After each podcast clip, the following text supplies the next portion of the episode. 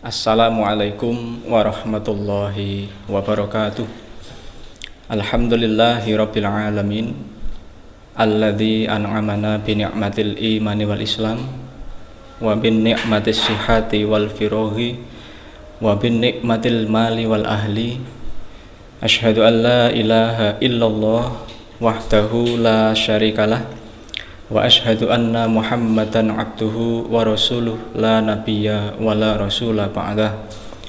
Allahumma salli wa sallim wa barik ala nabiyyina wa rasulina khatamil anbiya'i wal mursalin Muhammadi wa ala alihi wa ashabihi ajma'in. Amma ba'du qala Allahu azza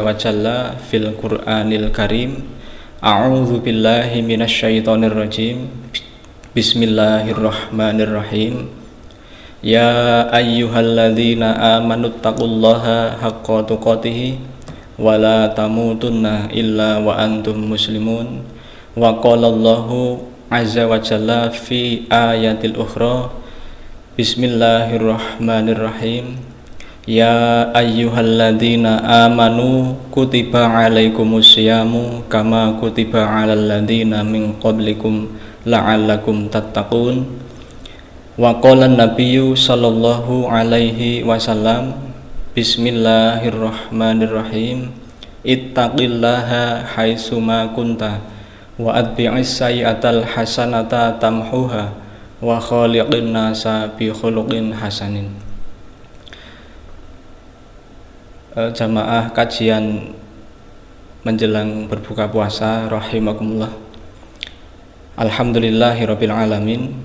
Puji syukur senantiasa kita haturkan kepada Allah Subhanahu wa taala.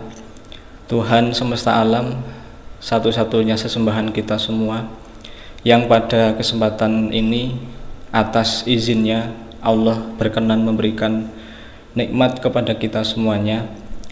Nikmat yang paling besar yang tiada pernah bisa ditukar dengan apa pun yaitu nikmat iman dan Islam juga nikmat jasmani kesehatan jasmani dan rohani juga nikmat yang lainnya yang tidak bisa kita hitung walaupun dengan kecanggihan ilmu pengetahuan dan teknologi.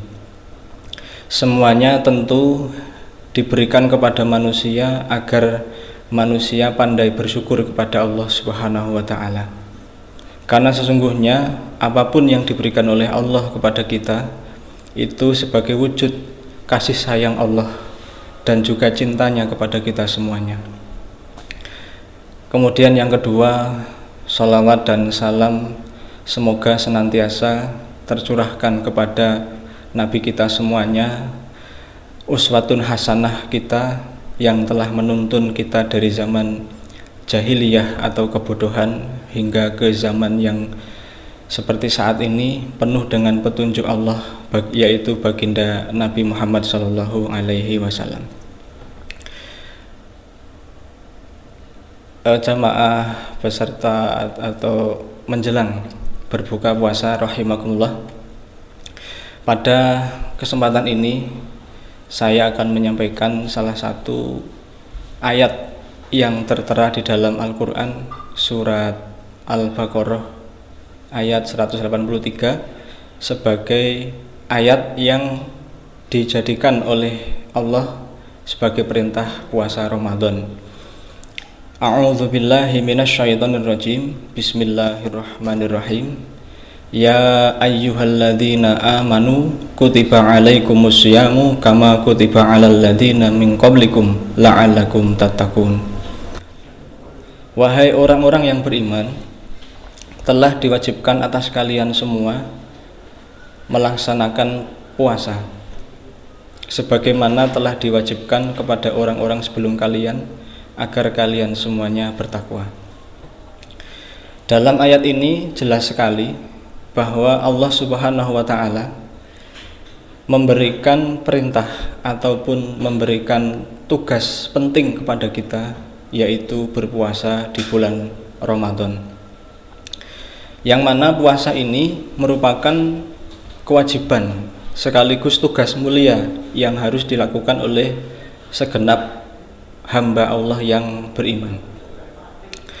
Jadi ketika kita men mengaku diri kita beriman kepada Allah pada bulan ini kita diminta atau disuruh oleh Allah untuk melaksanakan ibadah puasa. Sebagai orang beriman tentunya perintah itu perintah ibadah maksud saya itu sudah sering kita lakukan mulai dari ibadah sholat yang rutin kita lakukan hingga ibadah yang bersifat tahunan dalam hal ini puasa Ramadan itu sudah sering sekali kita lakukan. Sehingga dengan demikian saya rasa ini bukan hal yang baru dalam kehidupan kita, namun perlu kita ketahui bahwa tidak semua orang itu mau melaksanakan ibadah puasa. Rata-rata mereka yang belum mau melakukan ibadah puasa itu menganggap bahwa puasa ini merupakan ibadah atau perintah yang berat untuk dilakukan. Namun Allah memberikan perintah ini secara resmi hanya kepada orang yang beriman. Sehingga orang-orang yang berimanlah yang dipercaya oleh Allah bisa melaksanakan ibadah puasa. Jika kita melihat salah satu hadis di dalam yang tertera di dalam Sahih Muslim dalam kitab atau dalam bab Isra Mi'raj Nabi di, di situ dijelaskan bahwa salah satu uh, salah satu oleh-oleh yang dibawa oleh Nabi Muhammad Shallallahu Alaihi Wasallam ketika pulang dari peristiwa Isra Mi'raj itu adalah ayat terakhir surat Al-Baqarah yang diawali dengan kalimat A'udzu billahi minasyaitonir rajim. La yukallifullahu nafsan illa wus'aha. Allah tidak membebani kepada setiap diri manusia kecuali sesuai dengan kadar kemampuannya. Kaum muslimin rahimakumullah, di dalam ayat ini sangat jelas bahwa setiap manusia telah diukur oleh Allah kemampuannya. Baik dalam kemampuan dalam melaksanakan ibadah ataupun kemampuan di dalam menghadapi problema ataupun ujian. Sehingga ketika kita sebagai orang yang beriman menerima perintah dari Allah dalam hal ini adalah perintah ibadah misalkan maka alangkah baiknya kemudian hati kita pikiran kita kembali kepada Allah semata bahwa ini bukanlah beban. Perintah ini bukanlah membebani saya tetapi ini sebagai ukuran atau sebagai tolak ukur keimanan saya kepada Allah Subhanahu wa taala. Kaum muslimin rahimakumullah sehingga Islam itu ketika dilaksanakan atau syariat Islam itu ketika dikerjakan sesungguhnya tidak ada satupun perintah yang membebani kepada umat Islam. Hanya saja terkadang manusianya lah yang masih mengikuti hawa nafsu sehingga merasa beratlah merasa susah dan lain sebagainya. Padahal sekali lagi Allah menegaskan semua perintah yang diturunkan kepada kita itu tidak akan membebani kita. Salah satu contoh yang bisa kita laksanakan ataupun bisa kita pahami dalam surat Toha ayat 14 Allah berfirman A'udzu billahi minasyaitonir rajim Wa aqimis sholata li dzikri. Dan dirikanlah olehmu sholat supaya kamu ingat kepadaku Allah. Ini adalah potongan ayat yang saya bacakan barusan ini. Jelas sekali bahwa sholat lima waktu merupakan perintah Allah kepada kita sebagai hambanya. Nah, idealnya sholat itu dilaksanakan dengan cara berdiri, dengan cara berdiri menghadap kiblat. Namun sekali lagi ini bukanlah beban, sehingga ketika kita tidak bisa melaksanakan sholat itu dengan cara berdiri karena gangguan kesehatan misalnya, maka melalui Rasulullah Shallallahu Alaihi Wasallam beliau memberikan informasi untuk dilaksanakan dengan duduk menghadap kiblat semampunya. Seandainya pun duduk tidak bisa, maka boleh melaksanakan dengan cara berbaring. Dalam hal ini itoja'ah, miring ke kanan. Jadi posisinya menghadap kiblat tetapi posisi miring ke kanan. Jika diukur dengan letak geografis daerah kita, berarti kurang lebihnya adalah kepala di sebelah utara dan kaki di sebelah selatan. Kaum muslimin rahimakumullah. Selanjutnya ketika berbaring itoja'a miring ke kanan ternyata sulit, maka boleh dilakukan dengan berbaring menghadap ke arah atas dan kaki ada di sebelah kiblat. Kemudian jika pun itu tidak bisa dilakukan dengan gerakan maka boleh dilakukan dengan isyarat. Ketika isyarat pun tidak bisa, maka boleh dilakukan dengan cara batin dalam bahasa Jawanya. Jika pun nggak bisa, maka sudah waktunya berakhir tugas sholat itu. Artinya dia sudah saatnya untuk di disolati. Demikian juga dengan puasa Ramadan. Memang perintah itu wajib bagi setiap orang yang beriman. Tetapi perlu kita ketahui bahwa kewajiban itu ternyata Allah tetap memberikan keringanan kepada orang yang beriman ketika tidak bisa melakukan puasa karena mungkin gangguan kesehatan. Jangankan kesehat, gangguan kesehatan, ketika kita dalam keadaan sehat pun pada saat melakukan melaksanakan musafir atau sedang dalam kondisi perjalanan dan tidak memungkinkan kita melaksanakan ibadah puasa itu maka boleh di ganti dengan hari yang lain atau boleh membatalkan puasa, boleh berbuka puasa. Nah, inilah salah satu bukti keadilan Allah, bukti maha maha rahmannya Allah untuk kita semuanya.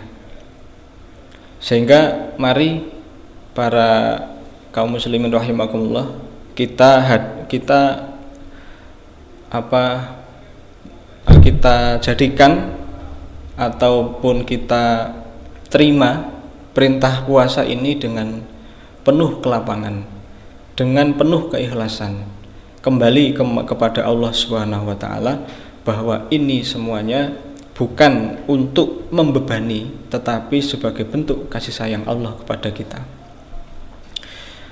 Kaum muslimin rahimakumullah. Selanjutnya apa bukti yang kedua bahwa puasa ini merupakan ibadah ataupun perintah sebagai kasih sayang Allah kepada kita. Buktinya adalah saya sampaikan salah satu hadis dari baginda Nabi Muhammad SAW. Bismillahirrahmanirrahim. Al Jum'atu ilal Jum'ati wa Ramadhanu ila Ramadhana mukaffaratun ma bainahuna idztama'al kabair. Atau dalam redaksi yang lain as-shalawatil khamsu wal jum'atu ilal jum'ati wa ramadhanu ila ramadhana mukaffaratun ma bainahuna idztama'al kabair. Salat lima waktu puasa Ramadan maaf sholat lima waktu ibadah Jumat dan puasa Ramadan adalah pelebur dosa-dosa manusia atau pelebur kesalahan-kesalahan manusia antara dua waktu itu selagi dia mau meninggalkan dosa-dosa yang besar. Kita sebenarnya hidup di dunia ini tidak bisa lepas dari yang namanya perbuatan dosa. Ada kalanya Allah itu mengampuni dosa kita dalam satu hari, satu malam atau 24 jam minimal lima kali. Ketika kita melaksanakan sholat duhur, maka dosa antara subuh dan duhur insya Allah diampuni oleh Allah ketika di waktu duhur, selesai sholat duhur. Pada saat kita melaksanakan ibadah sholat asar, maka dosa-dosa yang kita lakukan sejak dari waktu duhur insya Allah diampuni pada waktu selesai sholat asar demikian juga hingga sholat subuh dosa yang diampuni dalam durasi waktu mingguan adalah ketika kita telah selesai melaksanakan ibadah sholat Jumat dosa antara Jumat kemarin maka akan diampuni pada Jumat besok in, ketika kita selesai melaksanakan ibadah sholat Jumat. Ketika dosa itu menumpuk, mungkin pada saat lima waktu kita sholat lima waktu belum terampuni, kemudian mingguannya pun masih ada yang belum terampuni, maka Allah menunggu kita melaksanakan ibadah puasa Ramadan. Wa Ramadanu ila Ramadana mukaffaratun ma bainahunna Ramadan tahun ini insya Allah sebagai pelebur dosa kita selama satu tahun yang lalu dengan syarat tentunya kita melaksanakan ibadah puasa itu di bulan Ramadan. Nah inilah salah satu bukti nyata dan jelas sekali bahwa ibadah itu sesungguhnya ditujukan untuk kebahagiaan kita dunia dan akhirat sehingga jangan sampai dalam hati kita naudzubillah min dalik merasa terbebani. Ya Allah berat sekali puasa ini. Ya Allah berat sekali sholat ini. Naudzubillah min dalik. Karena semua itu pada dasarnya untuk menguji dan untuk mengukur seperti apa kekuatan iman kita kepada Allah. Maka dari itu akhirnya pada saat kita sukses nanti di dalam melaksanakan puasa ini derajat kita sebagai manusia insya Allah akan dinaikkan la'allakum tattaqun menjadi orang yang bertakwa bertakwa itu adalah derajat yang teramat sangat mulia. Inna akramakum indallahi atqakum. Sesungguhnya orang-orang yang paling mulia di antara kalian adalah orang-orang yang bertakwa. Nah, untuk menjadi manusia yang mulia di hadapan Allah kelak di hari akhir, maka syaratnya tentunya bulan ini kita manfaatkan dengan sebaik-baiknya dengan cara samikna wa atokna melaksanakan ibadah puasa. Kemudian yang tidak kalah penting dari itu, untuk menjaga kualitas puasa kita ini, maka mari bersama-sama kita sementara waktu itu menyampingkan dahulu bisikan-bisikan hawa nafsu. Nah, sementara waktu ini untuk menyelamatkan puasa kita di bulan Ramadan. Kemudian setelah Ramadan selesai bukan berarti kita kembali kepada kegiatan semula hawa nafsu kita ikuti tetapi tentunya kita lakukan atau kita hindari lagi untuk memperbaiki kehidupan kita semuanya. Oleh karena itu sebagai kesimpulan akhir yang pertama bahwa puasa Ramadan dan ibadah-ibadah yang lain ini diberikan oleh Allah perintahnya semata-mata untuk membuktikan atau alat alat bukti bahwa Allah itu sayang kepada kita, cinta kepada kita. Dengan cara memberikan tolak ukur itu untuk mengukur keimanan dan ketakwaan kita. Yang kedua, mari kita jaga ibadah puasa kita ini dari gangguan-gangguan hal-hal yang membatalkan puasa dan mengurangi pahala puasa sehingga kita bisa menjadi hamba Allah yang bertakwa. Insya Allah dengan bertakwa itulah maka kita akan naik derajatnya menjadi derajat orang yang paling mulia di sisi Allah tentunya surga Allah sudah disiapkan untuk kita semuanya.